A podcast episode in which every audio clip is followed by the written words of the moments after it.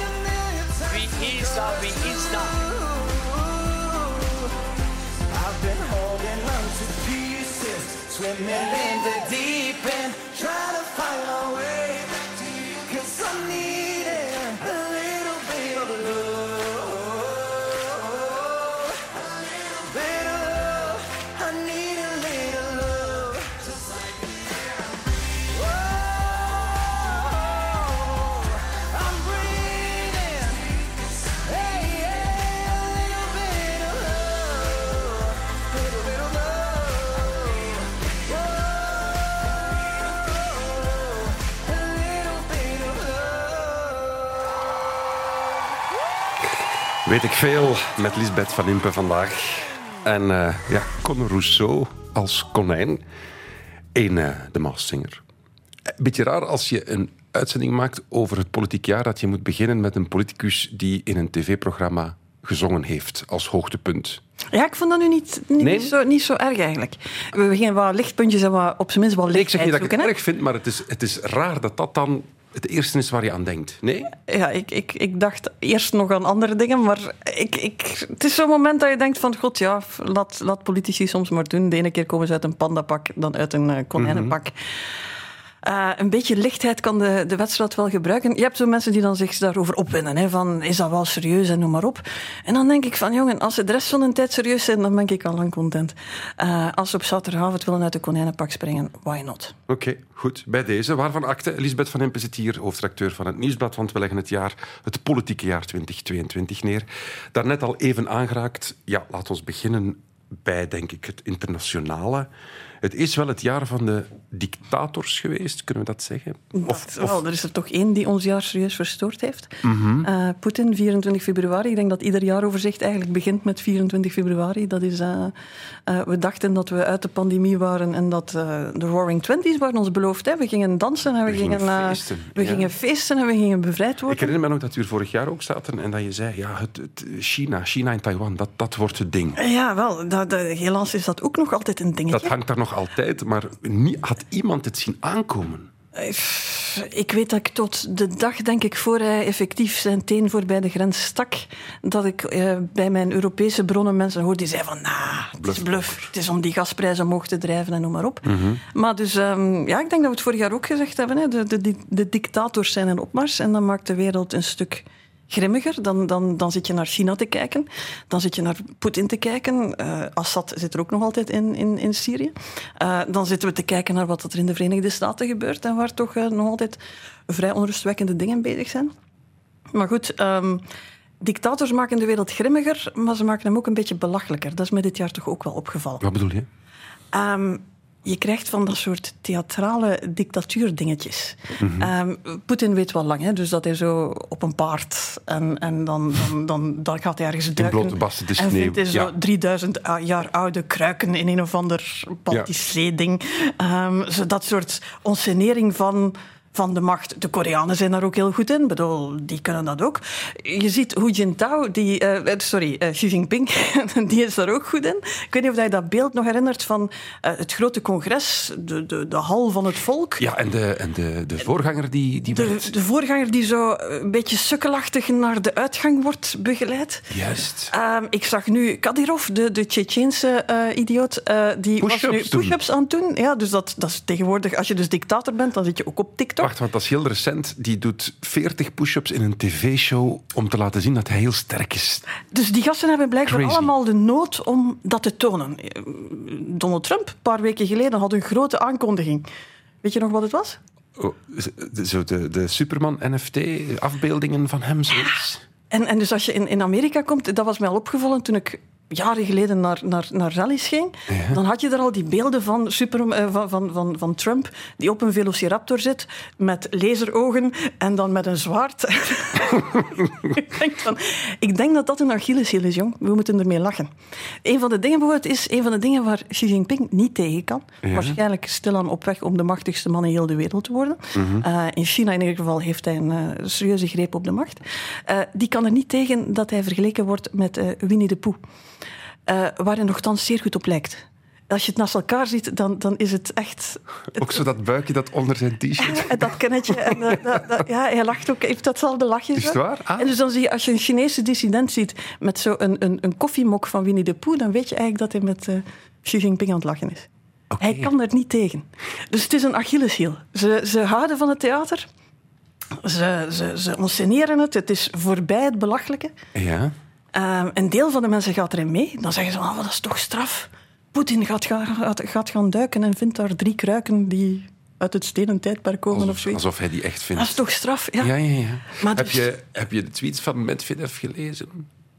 Ik heb ongetwijfeld tweets van Medvedev zien passeren, maar... Een paar dagen geleden heeft hij uh, voorspellingen gedaan wat er in 2023 allemaal gaat gebeuren. Nee, die heb ik gemist, zeg die zijn van de, ja, Die zijn van de pot gerukt. Ik ga, ik ga ze even... Want ik wil, ik wil hem juist parafraseren, maar het gaat erover dat de UK terug bij Europa gaat en dan de euro gaat instorten. Ah, het, ja, het, wat, het wat je net zegt, die leven in een, ja, in een realiteit. Het is een bubbel. Ja, ja. En dus het... Maar wat moeten we daar... Hoe moeten we daarmee omgaan? Je zegt lach erom, maar het is niet om te lachen. Hè? Nee, maar dus je mag ze niet te serieus nemen. Je moet ze eigenlijk heel serieus nemen, want ze zijn gevaarlijk. Maar, maar het moment dat een, bevolking de, de, de, de, de, de zottigheid doorprikt, ben je al een hele stap verder. Dan ben je er nog niet. Hè. In Iran zijn ze nog bezig met eh, de straten eh, eh, overhoop te zetten. Maar als we zeggen, we zoeken ook lichtpuntjes. Het is veel dictators ook niet helemaal goed vergaan dit jaar. Hè. Ik bedoel, Poetin begon aan een oorlog van drie dagen. Ik weet niet waar dat we intussen zitten, maar we zitten denk ik in de buurt van 300 dagen. Is er nog niet. De Oekraïners hebben verzet gepleegd. Kijk naar Iran, daar is het verzet nog altijd bezig. Je ziet beelden van vrouwen zonder hoofddoek op straat nu. Absoluut. Ja. Xi Jinping die had zijn absolute hoogtepunt, zijn kroning tot ongeveer de keizer van China. Maar, maar daarna kwamen de protesten tegen zijn COVID-beleid. Ze zijn daar heel duidelijk aan het zoeken. Donald Trump heeft slaag gekregen van de Amerikaanse kiezer. Bolsonaro is geen, geen president meer in Brazilië. Dus ik denk in tussentijd af en toe lachen en ze voor de rest zeer serieus nemen. En eh, verzet maakt een verschil. Ik weet dat je in je podcast graag op zoek gaat naar punten. Hè, het punt van Ja. Van Impe. Trouwens, goede podcast, waarvoor hulde. Ehm, is dat iets wat we vandaag ook zouden kunnen poneren als 2022? Zou wel eens het, het jaar zijn, het laatste jaar zijn van de almacht van een dictator? Of kunnen we zover niet gaan? Voel je, voel je dat het aan het afbrokkelen is of, of niet? Ik denk dat het, dat het twee kanten uit kan. Maar eh, het zou een gigantische fout zijn om de schouders te laten hangen, te denken het doet er niet toe. Als de Oekraïners nu het voorbije jaar iets bewezen hebben, is dat het er wel toe doet. Dat verzet ertoe doet, dat eh, in hun geval letterlijk vechten, loopgraven, eh, je niet laten overrompelen ertoe doet. En dat, ik heb altijd onthouden van Bruno de Wever, die zei van dictators, dat is veel pomp en, en, en, en praal en heel veel vertoon van macht. Maar het zijn vaak slechte bestuurders. Na een tijd hebben de mensen dat door en uiteindelijk komen ze ten val. Dus Zou er zo'n... wow, ik, ik, ben, ik ben optimistischer dan ik Ja, ja, ja. Ik, ik was aan het denken, zou er zo'n Arabische lente-scenario mogelijk zijn in, in het Rusland van Poetin? Of, of, of totaal niet in 2023? Dat is een van de dingen die mij in 22 al gefascineerd heeft, hoe hard dat ook een, een black box is. We weten het eigenlijk niet. We weten niet wat er in, in het hoofd van Poetin gebeurt. Eigenlijk, ik hoor heel veel scenario's over wat er in dat Kremlin gebeurt, die, die kringen rond Poetin. Maar ook daar heb ik niet het gevoel dat we dat Nee, je echt leest goed elke weten. week wel ergens op een, op een krantensite dat een generaal toch, toch verzet begint te vertonen, maar ze daar komt dan ook niks van. Er, er vallen er nu allemaal uit, uit de ramen. Het is Ook heel nog. gevaarlijk om rijk te zijn in Rusland en in de buurt van een raam te komen. want De kans is groot dat je trap. valt. Dus de zwaartekracht is daar echt een, een dingetje. Ja. Ehm, eh, dan heb je eh, steden als Moskou en, en, en, en, en Sint-Petersburg. Waar we nog denken, daar, daar hebben we nog een soort van connectie mee. Daar zien we soms ook nog liberaal verzet, noem maar op, tegen de dictatuur. Wat dat dan is als je heel diep Rusland binnentrekt, Aziatisch Rusland binnentrekt, daar hebben we dan ook weer draden naar. Eh, Dat valt mij wel op. Hetzelfde geldt voor China trouwens. Hè. Wat, wat weten we daar nu eigenlijk echt over? En meer en meer voel je ook van... eh, we hebben misschien ooit gedacht dat hoe wij naar de dingen keken de manier zou zijn waarop de rest van de wereld ook naar de dingen zou gaan kijken. Ja, ik denk dat we wel kunnen zeggen dat is definitief over. Daar volg ik je helemaal in. 2022 is wel het jaar geworden dat onze visie op de wereld... Dat het duidelijk geworden is dat onze visie op de wereld niet de visie is van... De wereld is zo'n beetje rust Echt, hè? geworden. Hè? Je, Ja. je hebt blokken. Je hebt Ja. blokken. En, en, en iedereen kan nog winnen. Maar het spel zal wel moeten gespeeld worden. Kijk bijvoorbeeld naar het WK voetbal. Hoe zij daar met die One Love en... en, en, en allee, het, het, ja, Ja, je- het botst. het botst Het heel botst. hard. hè. En het ene moment denk je van, zijn wij nu hypocriet dat wij altijd maar denken dat we zo, zelf zo fantastisch goed zijn. En andere momenten denk ik van, ja maar nee, hier mag je wel gewoon holibi zijn en, en, en hoef je daar niet mee in te zitten. En daar is Mhm. blijkbaar al een armband eh, onvoldoende. Ja, maar met, met, met, welke, met welk recht gaan wij ons dan uitspreken over anderen, vraag ik mij ook af. Wel, Want zijn wij dan zo goed bij... Het is, het is filosofisch, het is een beetje de cafépraat, Nee, maar... ja, maar, wel- maar eh, we gaan er maar... Je kan maar je voet zetten als je ervan overtuigd bent dat jouw voet ertoe doet. Hè. Ik bedoel, eh, Mhm. er zijn dingen die heel goed zijn hier. Ik ben nog altijd blij dat ik eh, in dit tijdsgevricht als vrouw geboren ben op deze plek in de wereld. Want er zijn niet zoveel heel veel plekken waar ik mee wil ruilen. Dus je moet met zelfvertrouwen je voet zetten. Weten dat we zelf niet perfect zijn. Weten dat we fouten maken. En voor de rest zorgen dat de FIFA eindelijk eens vernietigd wordt. Dat ook wel. Is het vrede in 23 in Oekraïne, denk je? Jouw inschatting? Ik zou vandaag denken dat dat er nog niet meteen zit aan te komen. De kans dat een soort van loopgravenconflict wordt. Je ziet heel beangstigende inschattingen van hoeveel volkmiddelen eh Poetin daar nog kan tegenaan gooien. Ehm, de kans op een revolutie in, in, in Rusland, een paleisrevolutie, mm, ik zou er ook geen geld durven op inzetten. Dus Nee. ik vrees dat de Oekraïners nog een tijdje, tijd lang onze grens gaan moeten verdedigen. YouTube is een prachtige plek, dat weet je. Dat weten wij bij Weet ik Veel ook. En er is ook iets als de Cray Crazy Putin Song. Op de tonen van ABBA. Oké. Ja. Het is niet dat liedje waar, dat, waar dat ze I Need a Man Like Putin, hè? want er zijn ook love songs voor Putin. Hè? Nee, Dus- nee, dus het is iets anti-Putin op de tonen van ABBA. Daar zijn we helemaal in mee. Alsjeblieft.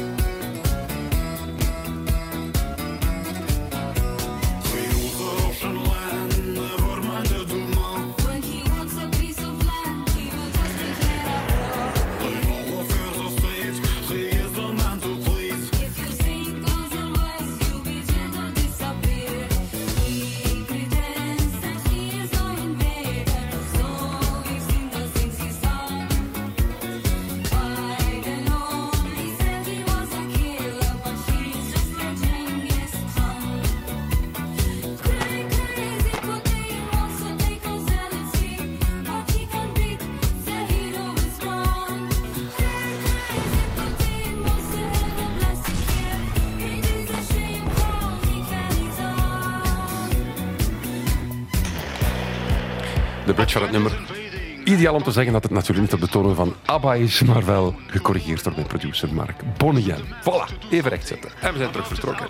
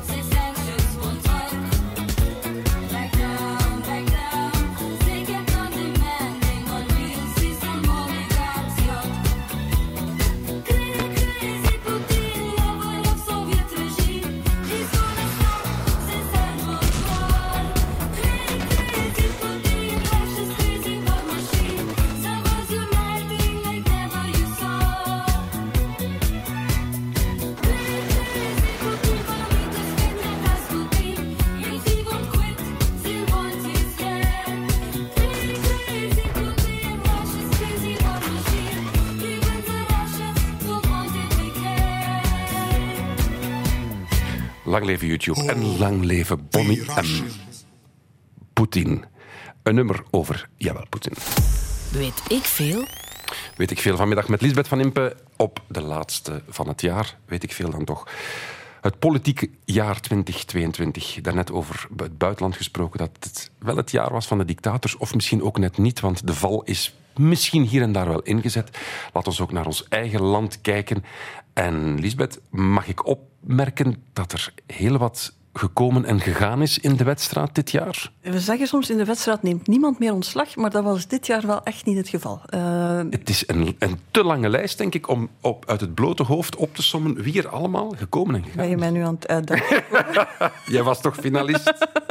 Kom aan, de puzzelronde. Eh, Oké, dus we hebben het eh, ontslag gehad eh, van Joachim Koens als voorzitter van de CD&V, opgevolgd door Sami Medi, die dan op zijn beurt op, opgevolgd is door Nicole de Moor op asiel en migratie. Dan hebben we het ontslag gehad van Wouter Beke. In chronologische volgorde kan ik ze niet hoor. Dus, Geen probleem. met een stoelendans opgevolgd door Jo Broens. We hebben het ontslag gehad van Mirjam Kitir op ehm, eh, ontwikkelingssamenwerking. Opgevolgd door Caroline Genet. Ehm, we hebben het ontslag gehad van Sophie Wilmes, omwille van de ziekte van haar man. Opgevolgd door Labib. Ehm, dan, wacht hoor, wie hebben we nog gehad?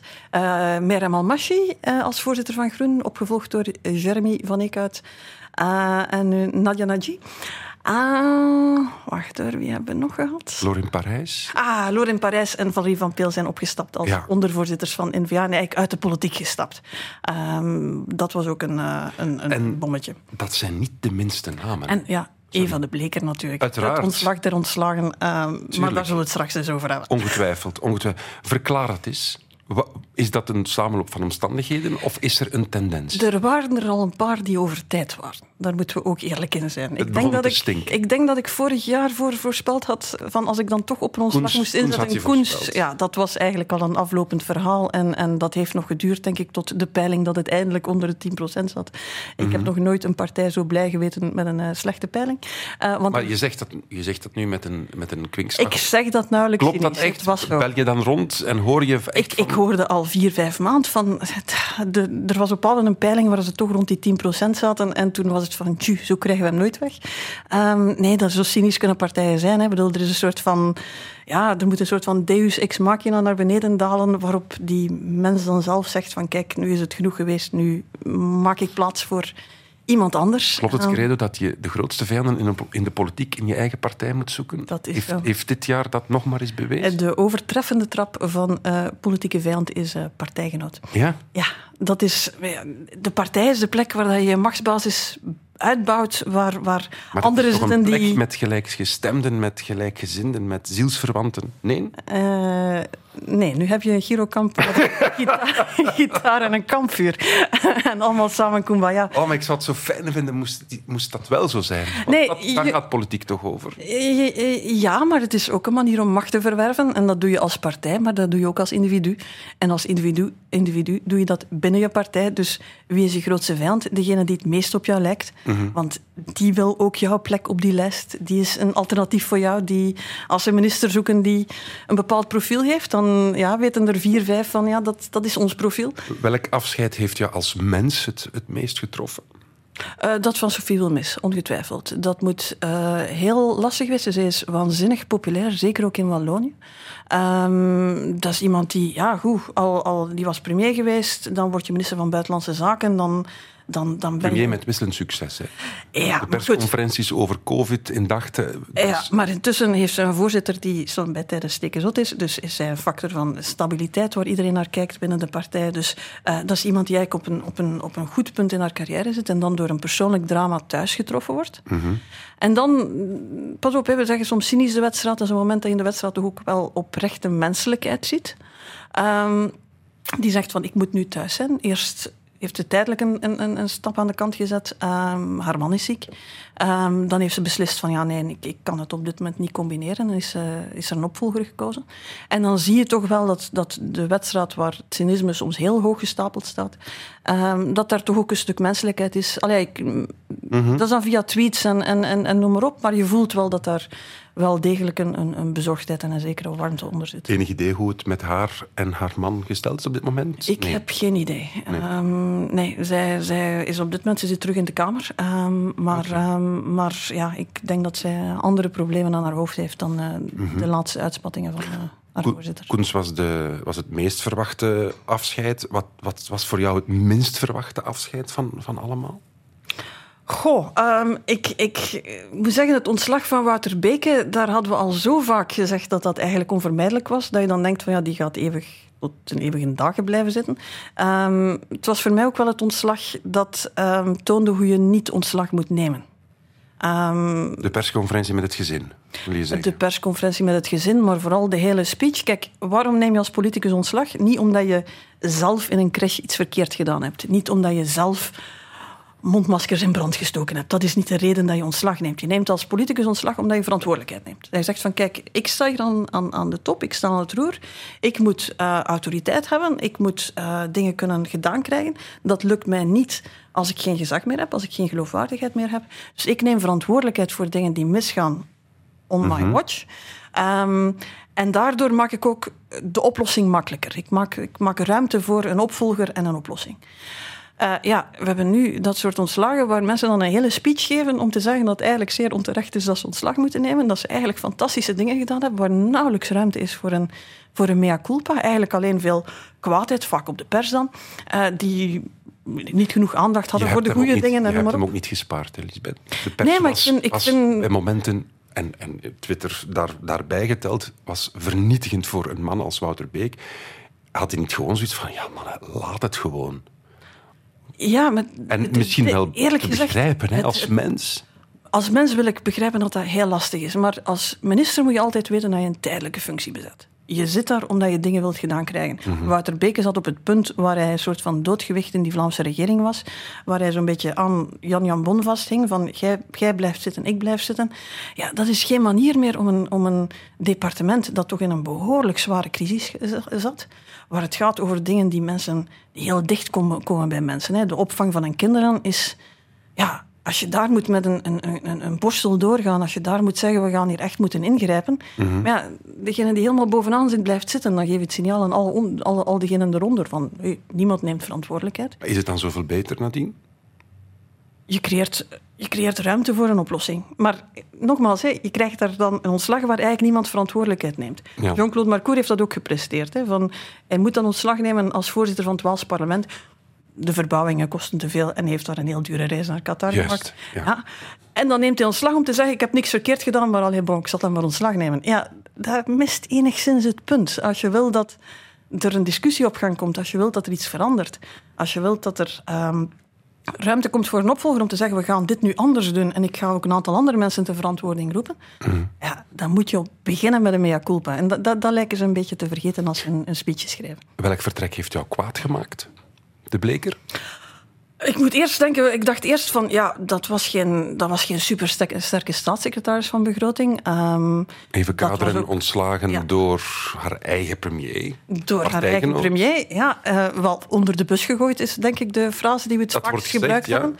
Dus eh, zij was staatssecretaris van begroting. Het was nooit de bedoeling dat ze heel hard achter die begroting zat, want dat was niet wat het plan was van deze regering. En dan lopen er een aantal dingen fout, zit de premier met een probleem en dan smijt hij echt Eva de Bleker onder de bus.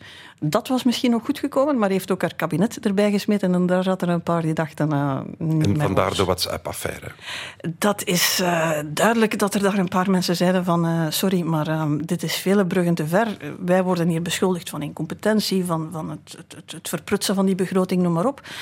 Ik denk dat Eva de Bleker het, het, het in het boekje kan van zo kan je beter geen ontslag organiseren in de wedstrijd, want eh, het, heeft hem, eh, het is in zijn gat komen terugbijten. Heb je haar gehoord dan? Hoe, hoe? Want zij is daar eigenlijk heel discreet over geweest. En ze heeft onlangs dan een interview hier gegeven, denk ik. Dat was ongeveer de eerste keer dat ze publiek iets gezegd Mhm. heeft. En dat was heel verzoenend en de bladzijde was omgeslagen. Begrijp je dat? Of denk je dat is, dat is opsmuk? Dat is, eh, Als je dat nog is- een carrière in de politiek wil, dan, dan moet je op een bepaald moment pagina's omslaan. Hè. Ik bedoel, dat is, dat is Ja, een boek met veel plannen. Ja. Ehm, hoe rancuneus is, dus is, ik kan niet in haar hoofd kijken, dat weet ik niet. Ehm, eh, maar goed, ja, dan moet je verder en dan, kan je, kan je, ja, dan moet je op een bepaald moment de dingen zeggen die de partij dan toch weer wil horen, zeker. Wat leren we of wat zouden we moeten meenemen naar 2023? Na wat er gebeurd is in 2022? Met al die vertrekken, al, die komen, al dat komen, al dat gaan? 22 is een beetje veel geweest, dus ik hoop dat het op dat vlak ietsje rustiger wordt. Iets minder ontslagen, maar als we ontslag nemen, dat ze het op de goede manier doen. Neem ons... Ja? Ja, neem verantwoordelijkheid. Ja. Mensen, ik denk dat mensen smeken om mensen, politici die durven zeggen: Ik neem mijn verantwoordelijkheid. Ik heb misschien zelf niks fout gedaan, maar er is iets fout gelopen op een terrein waar ik verantwoordelijk voor ben en ik neem mijn verantwoordelijkheid. Ik denk dat dat eerlijk gezegd een van de krachtigste signalen is dat je vandaag zou kunnen geven. Maar het is moeilijk. Ja, Ego, hè? Nee? Dat is ego, dat is waarschijnlijk ook een stuk tunnelvisie. Je, zegt, je hebt heel hard gewerkt. Je hebt als politicus altijd heel veel reden om te zeggen van ik heb toch mijn best gedaan. En, en, en weet je wel hoe... Ik heb mijn gezin verwaarloosd. Ik, weet je wel hoe hard ik gewerkt heb? Maar daar gaat Ja. het eigenlijk niet over, zeg je. Je hebt een van de topjobs in de politiek. Ja, daar, hoort een, daar hoort verantwoordelijkheid bij. Je kan, daar, je kan die niet ontlopen. Zou je zo ver gaan als zeggen het zijn zotten die werken in de politiek, of niet? Je moet er een beetje zot voor zijn. En pas op, ik zit weer in, in kerstmodus. Dus op ieder familiefeestje waar, men zei, waar ze dan zeggen van het zijn toch allemaal zakkenvullers, ben ik de eerste om de politici te verdedigen. Ze werken hard. Heel veel hebben doen aan politiek om de juiste redenen. Maar ze zijn een beetje te veel bezig soms met, met hoe het eruit ziet. En te weinig met heel oprecht, ik ga het nog eens zeggen, verantwoordelijkheid te nemen. Je kan niet alles veranderen, maar sta voor wat je doet en weet wanneer het over is. Jules Cabas is gestorven dit jaar. En die had een nummer, misschien wel passend bij dit blokje. Het zijn zotten die werken, Jules Cabas. Zijn zotten die werken, zijn zotten die werken. Je wordt er niet rijk van, je wordt er zo mug van. Zijn zotten die werken, zijn zotten die werken.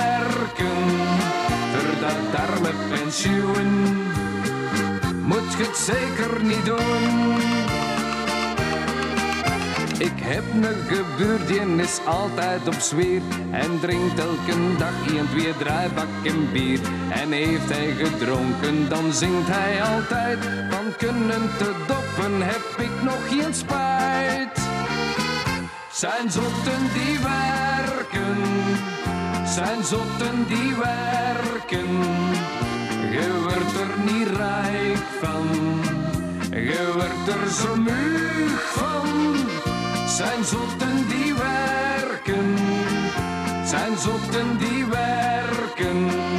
Voor dat arme pensioen moet je het zeker niet doen. De baas van de dop, die zei hem op een keer Gedopt al tien jaren, dat gaat toch niet meer.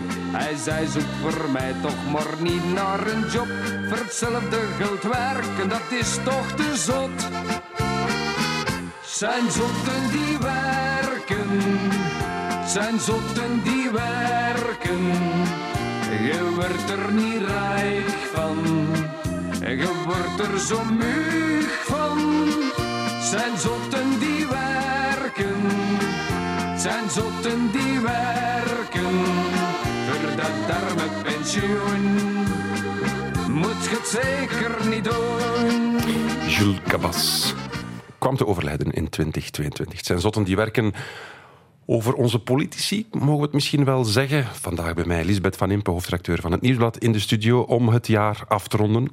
Het politiek jaar dan toch vooral. Lisbeth, mag ik een eh, puntje van kritiek geven? Het mag. Ik ben een trouwe luisteraar van uw podcast, het punt van Van Impe. Ehm, maar ik, ik, ik neig naar de ergernis op sommige momenten, omdat jullie heel lacherig doen over politici. En dan vraag ik mij af, het, het wordt heel vaak gelachen met het, het, het loopje van Lachaard. Het, men, eh, Wat, wat hilarisch was. Wie, Hè, wat, wie heeft daar niet mee gelachen? ja, maar dan vraag ik me af, voed je daarmee toch niet ook wat de, het sentiment van oh, die politici, wat een, wat een bende is het toch? Je wat ik wil zeggen? je- ja, heel goed zelfs. Eh, want je zit daar op een beetje een pijnpunt. ehm, waar ik zelf ook mee worstel. Dus Ja, ik, ik- ik, ik- neem jouw punt helemaal. Ik, want Wij proberen een leuke podcast te maken. Bedoel, en dat, daar slaag je in, maar ik vraag Maar- me af, voed je daarmee ook niet wat anti... Voed je niet wat antipolitiek op die manier? Door politici of toch heel dikwijls af te schilderen als wat idioten en hoe, wat doen ze nu weer en kijk nu naar dat. Al, nu als idioten denk ik niet, maar ik, ik, ik worstel met het feit dat je, als je naar politiek vandaag kijkt, dat je heel vaak moet zeggen, heel vaak moet belichten wat er niet werkt. We, we, Mhm. Ieder jaar opnieuw kunnen we een lijst maken van alle hervormingen die hadden moeten beginnend in de stijgers gezet worden. Allee, nog ik leg de lat zijn. Mhm. niet waanzinnig hoog. Ehm, en die er niet komen. Eh, ik word vaak kwaad als ik kijk naar hoe besluitvorming tot stand komt. En ik maak dan liever af en toe een, een, een, een wat eh, grappiger podcast dan altijd een kwaaie podcast. Want allee, ja, kwaaie Lisbeth, dat wil je ook niet elke dag zijn. Mhm. Ehm, Maar is het dus een beetje eh, humor uit Ja. Soms uit wanhoop, ja. Ja, en en voilà. tegelijk zit je... We gaan naar verkiezingen in 24. En, en, en tegelijk denk je van... Ik heb soms het gevoel van... Gasten, geef ons nu eigenlijk wat munitie. Want ik ben ervan overtuigd dat... dat eh, eh, heel veel politici eigenlijk het goede voor hebben. En dat Mhm. heel veel mensen die... Ik, ik ben dag en nacht met politiek bezig. Dus dat doe je niet als je het eigenlijk allemaal een bende idioten vindt en niet belangrijk vindt en noem maar op. Eh, ik voel dat mensen heel hard nood hebben aan ehm, dat er heel kritisch ook gekeken wordt. Want, want mensen maken zich zorgen. Maken zich zorgen over heel veel dingen die niet goed lopen. Ehm, en dan, dan ben je de hele tijd inderdaad problemen aan, aan het benoemen. En ik moet nu echt wel zeggen, ze Dat maken er wijn ook in die soms... podcast. Ja. Nee, nee, nee, dat glas wijn zit daar voor niks. Dus wij, wij nippen eens. Hè. Ehm, maar je, je, je wil eigenlijk dat het... Je wil dat het beter wordt. Het is echt niet goed genoeg. Het is echt niet goed genoeg. En, en ja, dan kan ik toch niet laten om dat te zeggen. Het, ehm, het moet echt beter, want... want eh, bij tijden ze er echt ook wel een potje van. Hè. Als je dus, ik kan nu mijn politieke redactie zie ik intussen zitten. Er wordt een beslissing gecommuniceerd. Je bedoelt vanuit je, vanuit je bu- bureau? Vanuit mijn bureau. Ik Ja. heb zo'n groot raam en dan Ja. zie ik ze zitten. Hè. Je bokaal. En die zitten vlak voor mij, dus ik hou die altijd heel goed in de gaten. Mhm. En dan ehm, wordt er een beslissing gecommuniceerd. Zo, de klassieke setting, een persconferentie in de bunker, de wedstrijd 16, de premier, eh, iemand anders, noem maar op. Er wordt een beslissing gecommuniceerd en dan, dan zie je Twitter opengaan. Want voordat wij kunnen zeggen dat er effectief een beslissing genomen is, moeten we toch een seconde of dertig wachten om te weten of dat Georges-Louis Boucher wel mee is. Want het gebeurt te vaak dat binnen de minuut er een tweet verschijnt om te zeggen: dat is helemaal niet beslist. Dat is helemaal niet eh, wat er afgesproken is. Daar ben ik het niet mee eens. Eh, Boucher doet dat heel, heel openlijk. Eh, we, zagen, we zien Magnet dat heel vaak ook doen. Die, die, die wordt dan ook kwaad. En dan krijg je daar ook weer een stukje eh, theater van, van, van het verzet tegen je eigen regering. Ehm, intussen zien we dat een aantal eh, Vlaamse voorzitters ook gedacht hebben van dit is blijkbaar de manier om het te doen. Dus die beginnen dat ook te doen. Herinner je eh, Jan Jan Bon die niet naar het Vlaams parlement kon, kon, kon, omdat Sami Medi de, de, de, de beslist had dat hij ging moeilijk doen over de kinderbijslag. En dan uiteindelijk toch in bond. Dus ja, wat dat allemaal oplevert. Maar intussen zit je daar wel naar een, een spektakel te kijken dat heel weinig te maken heeft met de reële problemen van de mensen. Kunnen we zeggen 2022 het jaar van de politieke sabotage?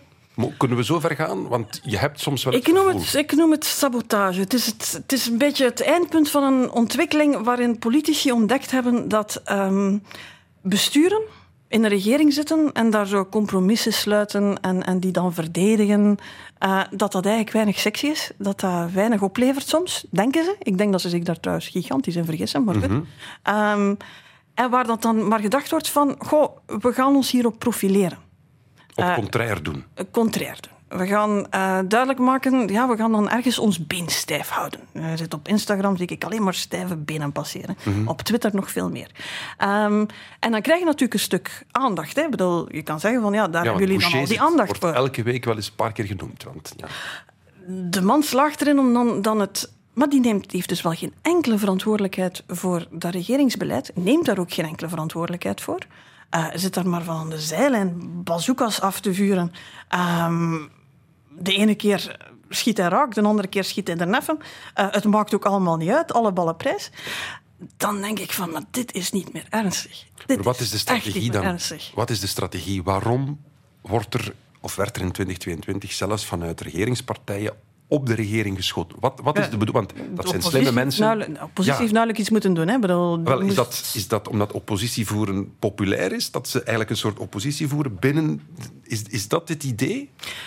Ik denk dat ik bij het begin van de Vivaldi-regering, maar pas op, de Vlaamse regering, regering is niet veel beter, eh, gezegd heb van ehm, iedereen die denkt dat hij als enige zou kunnen scoren hier. Ik bedoel, het is samen de afgrond in of niet. En dat hebben ze nog altijd niet goed door. Ze denken nog altijd van, ja, ik ga mij profileren tegenover de rest. Ik ga, ik ga het verschil maken. Ik ga toch weer aandacht naar mij toezuigen. Ik ga de, de, de, de ideologisch zuivere positie terug innemen. Of dat dat nu gaat over eh, fiscale voordelen voor voetballers, of dat dat gaat over gokreclames, of dat dat gaat over de kinderbijslag. Daar zitten belangrijke dingen in. Daar zitten dingen bij dat je denkt van... Jongens, als we dit niet kunnen beslissen, wat dan wel? Ehm, en dus daar zit je met een soort van profilering. alsof het beleid er niet meer toe doet. En eigenlijk zie je dat partijen meer en meer dat beleid aan het loslaten zijn. Binnen de N-VA vind je niemand meer die die Vlaamse regering, eh, waar ze de leiding over hebben, hè, verdedigt. Ja, goh, dat, is een, dat is een zootje, daar komt niks meer uit. Binnen de federale regering gaat de toer van de voorzitters af en je gaat er weinig vinden die de boel verdedigen. En dan, dan denk ik, maar wat zijn, wat zijn we dan aan het doen? We zijn gewoon tussen campagnes campagne aan het voeren. En dat allemaal met waanzinnig veel geld, want ze zijn allemaal overbetaald, die partijen.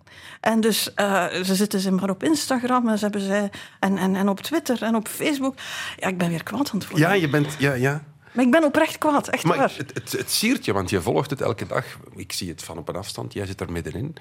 Wat mij vooral opviel, was dat er een soort... Dat, dat, ja, de ontzuiling is natuurlijk al jaren geleden, maar een Conor Rousseau uit een linkse partij die openlijk zegt dat Molenbeek dat hij zich daar niet thuis voelt, dat vind ik ook wel een tendens in het nieuwe jaar, dat links en rechts blijkt minder en minder te bestaan. Begrijp je wat ik wil zeggen? Ja, dat is, eh, en dus Vlaams Belang en Groen lijken op elkaar qua sociale thema's. Links en rechts vinden elkaar daar wel ergens over minimumpensioenen en van die toestanden. het, het loopt allemaal door elkaar. Omdat Ja. natuurlijk, als je het niet moet uitvoeren, dan kan je dus gelijk wat zeggen. Nee, ik kan, vandaag is het pensioen van 1500, maar als je het niet moet, moet, moet georganiseerd krijgen, dan kan je morgen voor een pensioen van 2000 euro Maar verklaar het eens, moeilijk. hoe, hoe, hoe komt het dat, dat zo die ideologische argumenten minder en minder worden gebruikt en dat links en rechts wat aan het verdwijnen is? Hmm, Of, denk- of vergis ik mij? Pas op, vanaf dat je bij sociaal-economische thema's komt, dan heb ik het gevoel dat het zelfs wat meer terug is dan vroeger. Ja, dus dan, dan heb ik het gevoel dat, dat, dat de tegenstelling daar misschien soms scherper is.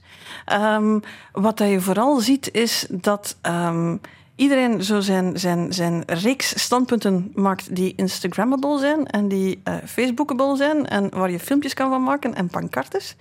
En dat Slogan. daar heel hard wordt op ingezet. Dus ehm, terwijl natuurlijk, ja, je zit met, met, met, met, met zeven partijen in die federale regering. Dus eh, het zal ergens in het midden eindigen. Hè. Ik bedoel, je kunt daar niet rond.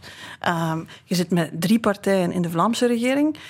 Die ideologisch niet eens zo ver van elkaar zitten, maar dan wordt de nood precies nog groter om op de verschillen te focussen. Want dan, dan, dan moet je ergens de boeren tegen Zoaldemir hebben en, en eh, ergens nog iemand die zegt van maar nu ga ik mijn voet zetten en de rest houdt zich in stilte bezig. Want er zijn ook een pak mensen waar we bijna niks van horen. Hè. Ja, ja, Dat is, ehm, dus de ideologische verschillen. ehm, eerlijk gezegd heb ik ook geen. Ik heb geen probleem met ideologische botsingen. Laat het maar af en toe botsen. Mensen denken niet hetzelfde over de dingen. Dus laat ze maar af en toe een politicus zien passeren die hun standpunt pakt. En dan is serieus botsen met iemand die aan de overkant staat.